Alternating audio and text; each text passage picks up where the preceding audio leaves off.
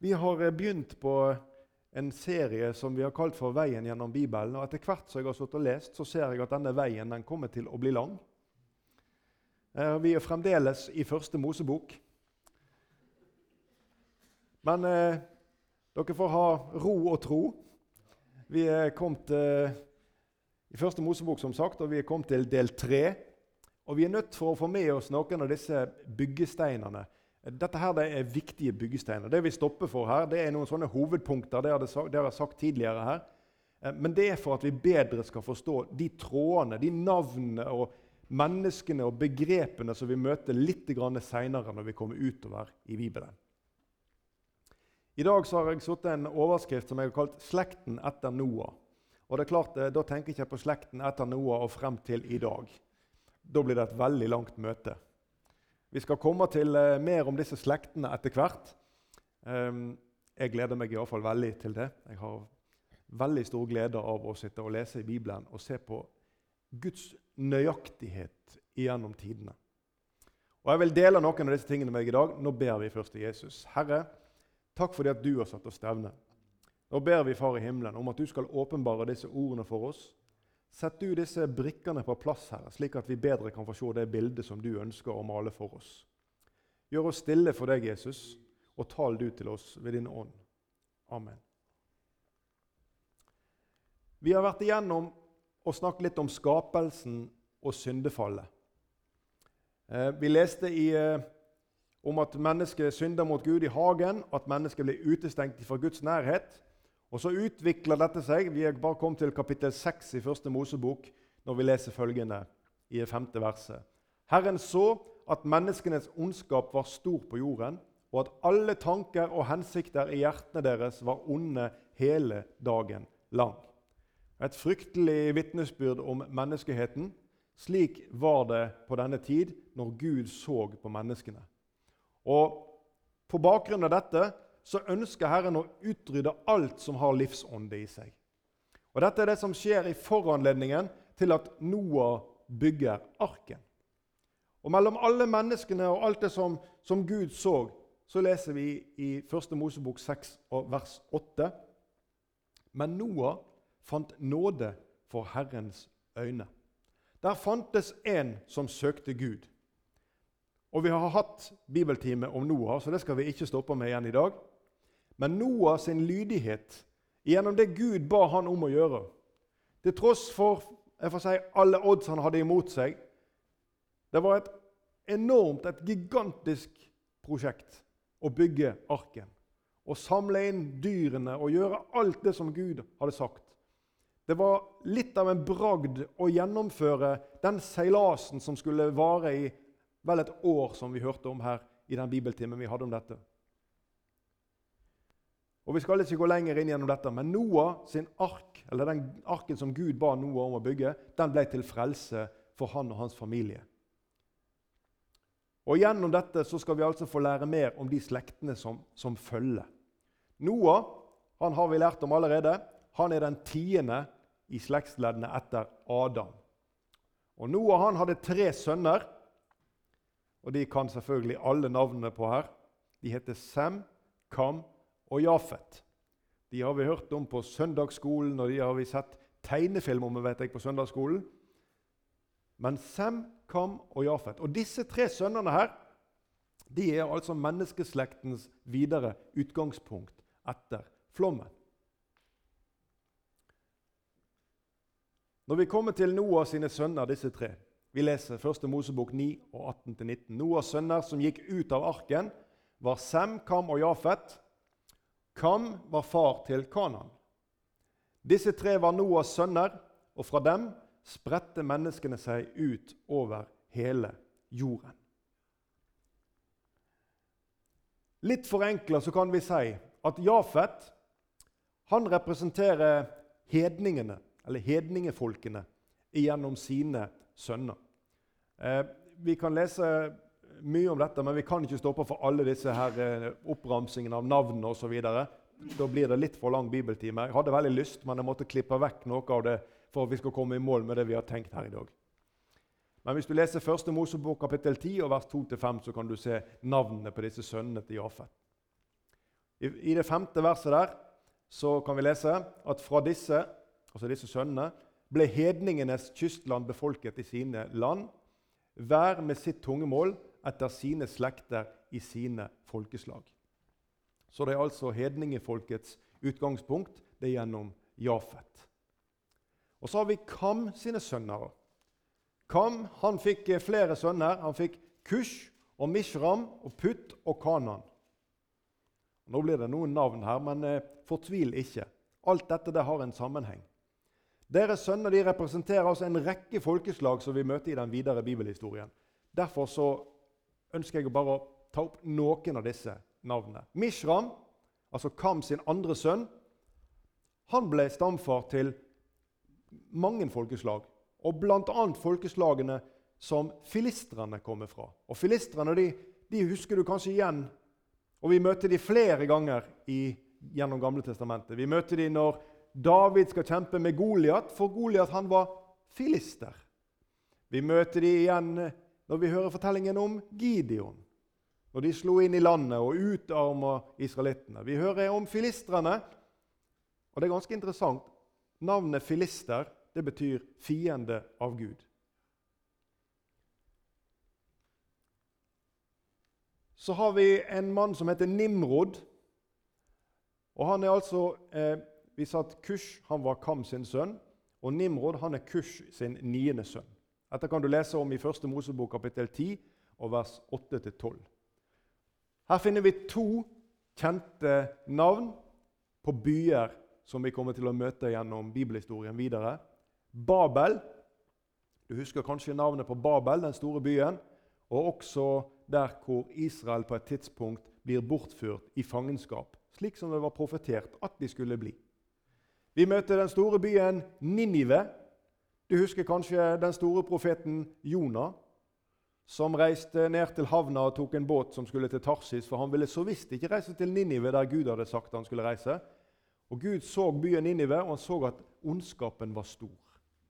Så altså noen navn blant flere som vi kommer til å møte gjennom bibelhistorien, de har sitt utgangspunkt i disse tre sønnene og slekten videre. Kanan han er altså Kan sin fjerde sønn. Og han er altså stamfar til kananeerne gjennom sine sønner. Du husker begrepet Kanans land, altså det landet, det lovede land. Det landet som Israel fikk til eiendom. Det landet som Israel reiste til når de dro ut av Egypt. Sem sine sønner de representerer altså Israels slekt. Du har kanskje hørt eh, et begrep som heter å være antisemittisk. Ja, Det er altså å være motstander av jødene og ha et motstandsforhold til dem. Ja, kanskje til og med et hatforhold til dem. For Sem han er altså Israels stamfar. Så å være antisemittisk det er å være motstander av denne slekt. Vi skal lese litt om Sem sin slekt. I 1. Mosebok 10 vers 22 der leser vi at Sem sine sønner de var Elam, Asur og Arpakshad og Lud og Aram. Og For ikke at jeg skal gjøre denne her fortellingen om denne slekta og det poenget vi skal frem til, for lang, så vil vi kort prøve å si det slik at Sem han fikk altså en sønn som heter Arpakshad. Og han fikk en sønn som heter Sjela, som fikk en sønn som heter Eber, som igjen fikk en som heter Reu. Henger dere med her? Her nikkes forståelsesfullt. Reu han fikk en sønn som heter Serug, og han fikk igjen en sønn som heter Nakor. Og nå vet jeg at det ringer noen klokker for noen her, for nå nærmer vi oss. Og han Nakor han fikk en sønn som heter Tara, og nå ringer det bjølle for enda flere her, tror jeg. For han var far til Abraham. Dette kan du lese om hele denne slektslinja her. Den kan du lese om i 1. Mosebok kapittel 11 og vers 10-26. Det er 16 vers der. Og 1. Mosebok 11 den er flott å lese om i forhold til det som skal skje videre her. Men det er altså ti slektsledd etter Noah og til Abraham. Vi leste at det var ti slektsledd fra Adam til Noah. Så da har du på en måte fått et lite sånn snapshot, eller et sånt bilde av hvor henne vi er henne nå i forhold til skapelsestidspunktet, generasjonene frem, og nå er vi kommet til den mannen som heter Abraham. Første Mosebok 10 og 32. Dette var Noas sønners slekter etter sin avstamning i sine folkeslag. Fra dem har folkene utbredt seg på jorden etter vannflommen. Så nå er vi tilbake til det vi starta med når vi begynte på fortellingen om Noas sønner. Det var disse som utbredte seg, leste vi her, over jorden gjennom sine avstamninger. Så nå har du det fra Bibelen og ikke bare fra meg.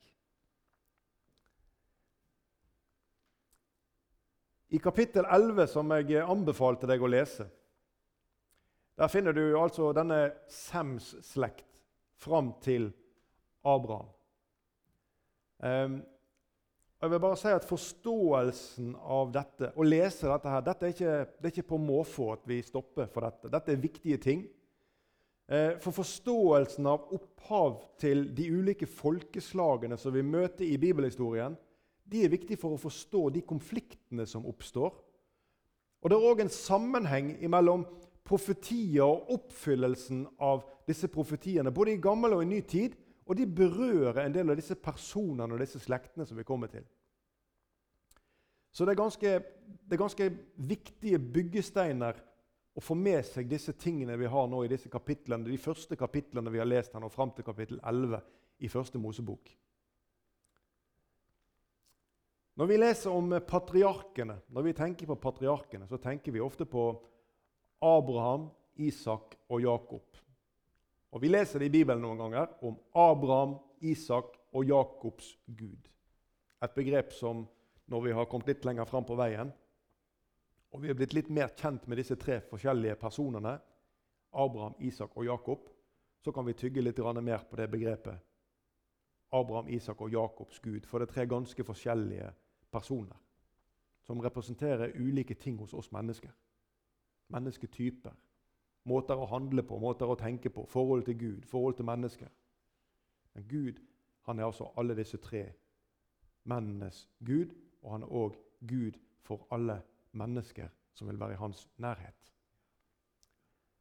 Når det gjelder patriarker, så er det en rekke flere som blir omtalt som patriarker i Bibelen. Paulus Eh, snakker om noen. Hvis vi leser apostelgjerningene 7-8, så vil du sett at han snakker om Jakobs tolv sønner som patriarker. Altså alle de tolv sønnene til, til Jakob. Og du vil også lese I apostelgjerningene 2,29 så vil du finne om at David er omtalt som patriark. Så begrepet er brukt mange ganger, eller i hvert fall flere ganger i Bibelen. Um, men når vi tenker på patriarkene, Israels opphav, så tenker vi ofte på Abraham, Isak og Jakob. Jeg tror at For at vi skal få en grei tråd i det vi nå skal ha for oss, så må vi ta for oss bibelhistorien ifra Tara. Og Tara, hvis jeg nå spør ute i salen her, så husker alle sammen at han var far til no, til, Ikke til Noah. Far til Abraham. Første Mosebok 11, 27-32. Så leser vi at dette er Taras slektshistorie. Tara fikk sønnene Abraham, Nakor og Haran. Og Haran fikk sønnen Lot. Haran døde hos sin far Tara i sitt fedreland, i Ur i Kaldea, i Sør-Babylonia. Abraham og Nakor tok seg koner. Abrahams kone het Sarai. Nakors kone het Milka og var en datter av Haran, far til Milka og Giska. Sarai var ufruktbar og hadde ingen barn. Tara tok med seg Abraham sin sønn, sin sønnesønn Lot, Harans sønn, og svigerdatteren Sarai sin sønn Abrahams kone, og de dro ut sammen fra Ur i Kaldea for å reise til Kanans land. Men da de kom så langt som til Karan, bosatte de seg der i det nordvestlige Mesopotamia.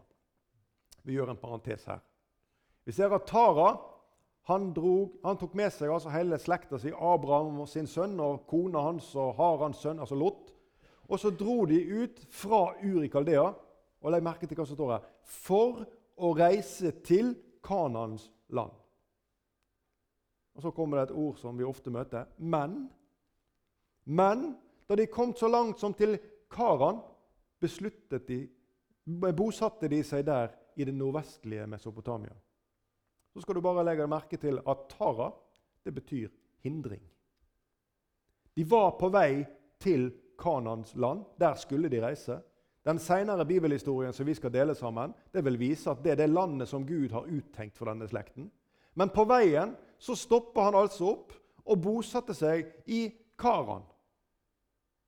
Så det ble en hindring, det ble et stopp. Det ble ikke så langt på veien som det var tenkt. Men Gud, han handler videre for deg. Og mennesker velger å stoppe opp, og mennesker velger andre veier, så skal ikke du være urolig for at ikke Guds plan skal oppfylles. Og Det skal vi lese om i det videre her. Tara han ble altså 205 år gammel, og så står det så døde Tara i Karan. Han kom ikke lenger. Han reiste dit til Karan.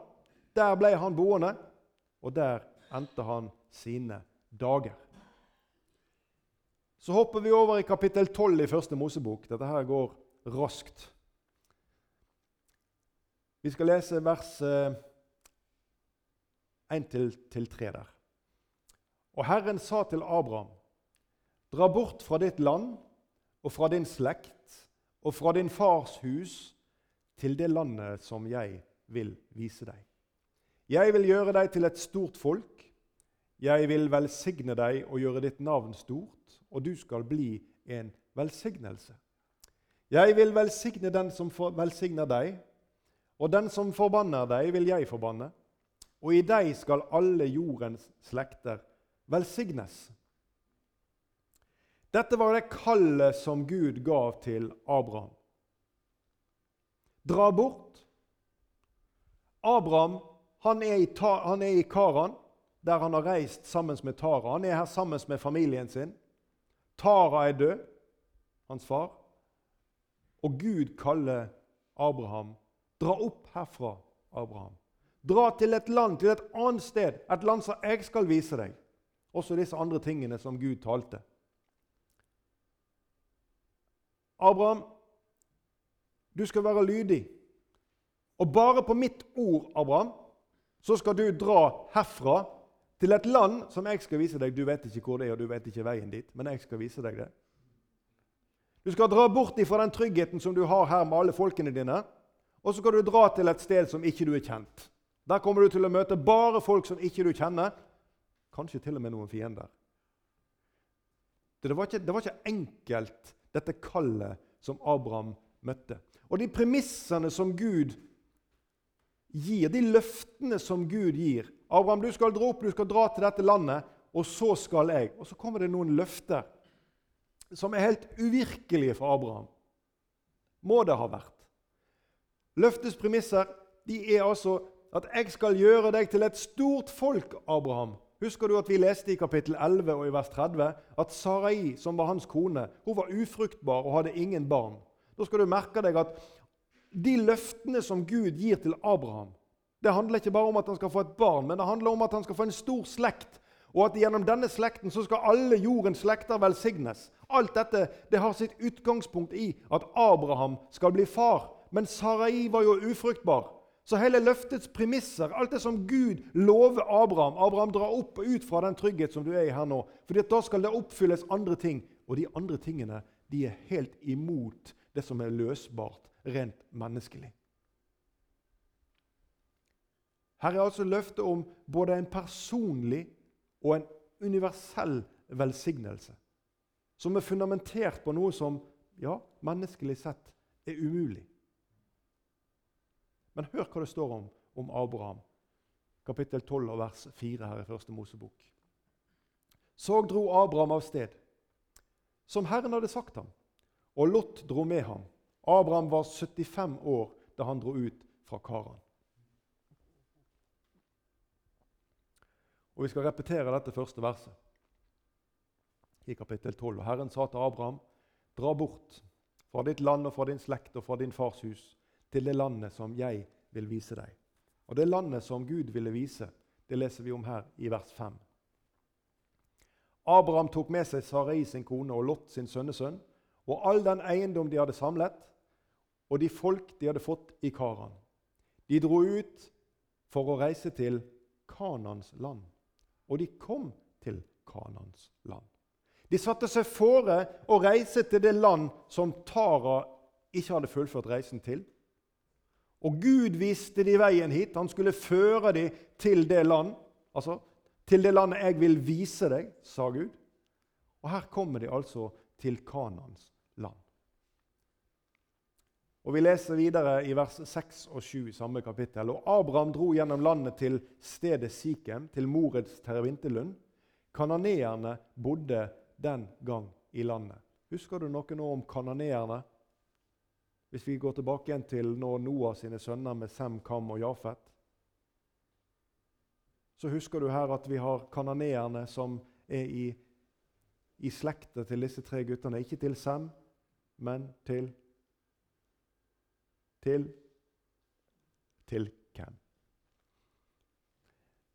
Og der ble de boende i Kanan og utgjør de eh, folkeslagene som vi seinere møter når Gud taler til Moses. og Det skal vi komme til. Alle disse ittene, som vi kaller dem for. Jebusittene og amorittene og ferisittene og alle disse som opptar de folkeslagene som det ble til i Kanans land. Det skal vi komme tilbake igjen til. Så leser vi videre her. Da åpenbarte Herren seg for Abraham og sa, 'Din ett vil jeg gi dette landet.' Og han bygde der et alter for Herren Eh, som hadde åpenbart seg for ham. Altså, Abraham han dro til det stedet som heter Sikhem. Og så leste vi her at kanoneerne de bodde i dette landet. Abraham han kom ikke til et land som var åpent. Og her Abraham, her er alt, her er alt helt fint. Abraham. Her er det ingen fra før, så dette her det kan du bare få. Nei, Gud åpenbarte seg for ham, og så sier han at 'din ett vil jeg gi dette landet. Og så kunne Abraham ha tenkt min ett. Gud, Sarai er ufruktbar. Minne deg om det igjen. At disse løftene som du stadig gir meg, de er, de er fundamentert på noe som ikke går an. Sånn kunne Abraham tenkt, men Abraham gjorde ikke det. Vi leser senere om at Abraham han trodde Gud, og det ble regnet til rettferdighet. Det gjaldt løftet om Isak, hans ektefødte sønn. Nei, Abrahams reaksjon er ikke slik. Abrahams reaksjon er at der Gud åpenbarer seg for ham og presenterer for Abraham et løfte som synes fundamentert en umulighet, der bygger Abraham et alter for Herren. For Herren har åpenbart seg for ham. Om enn løftes synes umulig, så reiser Abraham et alter på dette sted. Og dette blir et sted for Abraham for tilbedelse. Det skal vi komme tilbake igjen til. De har nå kommet til et fremmed land. De har fått et løfte om et fremtidig eierskap i dette landet gjennom sin ett. Og som sagt, Abraham og Sarai de er barnløse. Og Kananeerne de hersker over dette landet, og her er mange store folkeslag. Og midt i alt dette Abraham har nå kommet til dette stedet. Han har reist ifra alt som han hadde. Han har tatt med seg altså slekten sin, han har tatt med seg Lot og sin kone og rikdommen sin. Og mellom det at han har kommet hit, så opplever han at det blir problemer mellom han og Lot. De hadde begge to så store eh, samlinger av dyr, buskap, heter det, eh, at det var ikke plass til de begge to. Og gjeterne til disse ulike buskapene de begynte å trette med hverandre, leser vi. Og Lot han er jo tross alt Abraham sin eneste allierte her i utlendighet. Og så må de faktisk skille lag. I 1. Mosebok 13, vers 6 så står det og landet kunne ikke romme den, så de kunne bo sammen, for eiendommen deres var for stor til at de kunne bo sammen. Så Abraham sin eneste allierte her midt i utlendigheten, han må han altså skille lag med. Så da blir Abraham alene. Det finnes noen sånne likheter i, i Bibelen. En slags sånn bibelsk demonstrasjon av Guds makt. Vi finner noen sånne eksempler. Vi kunne nevnt både Gideon og David. Hvor når Gideon samler sammen de som er stridsdyktige, for å være med og føre krig imot fienden, så sier Gud det helt utrolige til en hærfører. Dere er for mange, Gideon. Går det an å være for mange soldater som kan gå i krig? Ja, dere er for mange, Gideon. Og så kjenner du fortellingen, du som har lest litt i Det gamle testamentet. Hvordan det skaller av. Og Til slutt så står Gideon tilbake med 300 mann imot denne leiren til fienden, som var som det står, som sand på havets bredd. Det samme skjer vi gjennom David når vi leser om David og Goliat.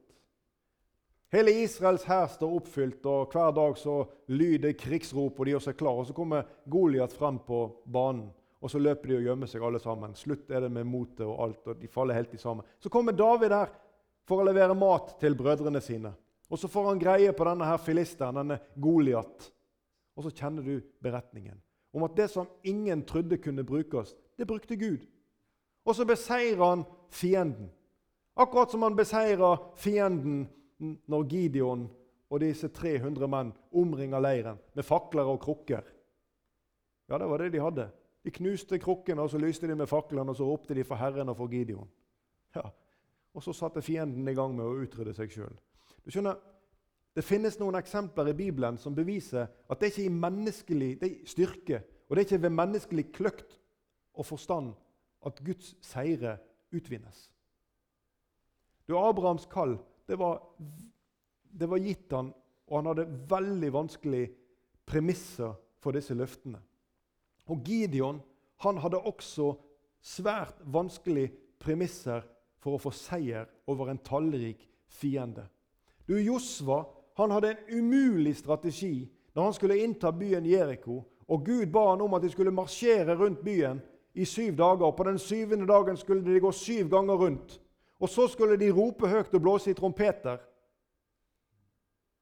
Er det noen som har hørt om å beseire en fiende sånn? Nei, men der står det da falt muren helt sammen. Helt sammen. Ikke bare sånn da falt byporten inn, sånn at de kunne komme inn. Da falt muren helt sammen. Og hver mann kunne gå rett inn i byen, rett frem for seg. står det skrevet. Du, når Naman kommer til profeten og er spedalsk og trenger helbredelse, så står det at han hadde sett for seg at profeten skulle komme ut og føre hånda over det syke stedet, og så skulle han bli helbredet. Det ble ikke sånn. Profeten kom ikke ut engang. Han sa til han, 'Gå og bad deg.' Sendte ut tjeneren sin. Bare si til Naman han skal gå og bade seg i Jordan. Han skal dukke seg sju ganger. Du, det, er ikke, det er ikke ved menneskelig uttenkte kløkt og metoder at Guds seire vinner. Når David setter i gang, etter alt det han har opplevd med Gud, alle de seire David har opplevd, når han setter i gang og teller folket sitt for å finne ut hva er mitt folks egentlig militære styrke, altså straffer Gud ham. For det er ikke ved menneskelig makt at Guds seire vinnes. Det er når engelen kommer til Maria så har også Maria umulige premisser for det budskapet som engelen kommer med. Maria, du skal få et barn. Du skal få en sønn. Du skal gi ham navnet Jesus. Jeg er bare et øyeblikk her, du. Jeg er ikke gift ennå. Jeg vet ikke av mann, sa Maria. Nei, men nå skal du høre. Den hellige ånd skal komme over deg. For at det som skal fødes gjennom deg, det skal kalles Guds sønn. Helt umulige premisser, men ikke for Gud. Du, I møte med alt dette så tenkte jeg på det ordet som står i ordspråkene 3.5. Sett din lit til Herren av hele ditt hjerte, og stol ikke på din forstand. Etter hvert som en leser gjennom Bibelen og leser om disse slektene, hvordan Gud tenker når Tara ikke reiser helt frem, ja, så kaller han Abraham til å gjøre dette. Gjennom Abraham skal vi få bli kjent med den slekten som blir til Guds utvalgte folkeslag. Og vi skal bli kjent med mange ting gjennom Bibelen. Steder og personer, profetier som går i oppfyllelse. Helt på tross av det som mennesker hadde tenkt. Akkurat sånn som i disse eksemplene vi nå har nevnt. Jo mer jeg leser om dette, jo mer sant finner jeg dette ordet i ordspråkene 3.5 til å være. Sett din lit til Herren av hele ditt hjerte, og stol ikke på din forstand. For det som er umulig for meg, det er ikke umulig for Gud. Vi skal gå inn for landing. Du, Vi skal seinere gå igjennom litt og se på både Abraham sitt liv og den slekten som kommer. Og Vi skal òg se på de løftene som Gud gav. Et av de løftene som Gud gav til Abraham, det er vi nært forestående og skulle være med og feire nå. Du husker kanskje det, det tredje verset vi leste der i sammen. Så leste vi at 'gjennom deg skal alle jordens slekter velsignes'. Ja, Den universelle velsignelsen, det, det, det løftet som kom gjennom dette, ja, det gjelder faktisk det at Jesus han blir født gjennom denne slekta et godt stykke frem på veien. Og Jesus han er verdens frelser. Dette løftet det ga Gud til Abraham før vi er kommet til den pakten som Gud oppretter med Israel når de var ved Sinai. Den gamle pakt som vi kjenner. Hvor tabernakel og offerskikker og de tingene vi har vært igjennom, i hvert fall en del her i arken, de ble til. Men lenge før dette så sa altså Gud disse ordene til Abraham. At gjennom deg så skal alle folkeslag, alle verdens slekter, de skal velsignes. Og det er gjennom Jesus som kom til jorden. Men det er en sentral ting helt på tampen her som jeg har lyst til å få med fra Abraham sitt liv. Til tross for rikdom og til tross for den status han hadde. For det står at Abraham han, en, han ble en veldig rik mann. Både i forhold til buskap og gull og sølv. Så folkene rundt Abraham, som var dette landet, dette Kanans land som han var kommet til, de måtte se på denne Abraham og se at han var nok i menneskelige øyne vellykka. Vi leser 1. Mosebok 13 av vers 2 eh, eh, litt utover. Abraham var meget rik på buskap og på sølv og gull. Men hør nå. Og han dro i dagsreiser fra Sydlandet helt til Betel til det stedet hvor teltet hans hadde stått i begynnelsen, mellom Betel og Ai. Hvorfor gjorde Abraham det? Jo, hør. Til det stedet hvor han hadde bygd et alter forrige gang. Der påkalte Abraham Herrens navn. Husker du at Herren åpenbarte seg for Abraham når han var kommet fram?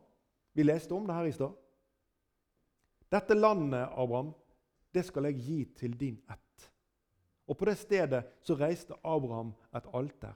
Der hadde Abraham opplevd at Herren åpenbarte seg for ham.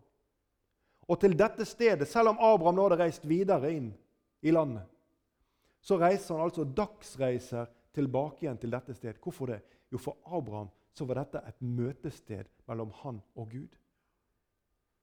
Kanskje et av de tidlige bildene i Bibelen på bønnemøter møter vi her. Behovet for å komme til det sted der Gud åpenbarte seg for ham. Og hvor han hadde reist et alter. Her i dette land som Gud hadde bedt ham om å reise til. Og der står det der påkalte Abraham Herrens navn. Så ser vi hva bønnen handler om. Helt til slutt engelens ord til Maria. For ingenting er umulig for Gud. Husk på disse ordene. De er ikke mine. De kommer ifra himmelens utsending til Maria Møy. For ingenting er umulig for Gud. Og Husk det og gjem de ordene i ditt hjerte når djevelen kommer og vil fortelle deg om alt som er for vanskelig eller umulig. At det er det ikke for Gud. Herre Jesus, du ser her at det er veldig sammensatt. dette her. Det er mange navn og personer og steder. Herre. Men jeg ber Herre om at du ved din ånd Herre, lar disse brikkene falle på plass, Herre, så vi bedre kan forstå sammenhengen. Herre, jeg ber om at du må velsigne ditt eget ord, Herre. La det forbli Jesus til, eh, ja, til glede i våre hjerter, Herre, og, til kunnskap om deg. Herre, takk fordi at det er sant, Herre. Vi, vi, leser her Jesus, om mange ting som i menneskelig forstand er helt umulig, men som er mulig for deg, Herre. Og Hjelp oss å forstå Herre, at ditt ord er sant, og du har også sagt i ditt ord at du har ikke forandra deg. Herre. Hjelp oss å ta dette med oss inn i vår hverdag. I de ulike tingene som vi møter Jesus. Det være seg på arbeidsplassen, Herre, det være seg i økonomi eller helse eller hva som helst. Herre. Du har bare sagt at ingenting er umulig for deg. Hjelp oss å være som Abraham, Herre. Som drar til det stedet, Herre, som du åpenbarte deg, Herre, og som påkaller ditt navn, Jesus. Som ber om fellesskap, som ber om veiledning, som ber om at du må gripe inn i livene våre, Herre. Hjelp oss, Herre, å ha hjerter som er helt med deg.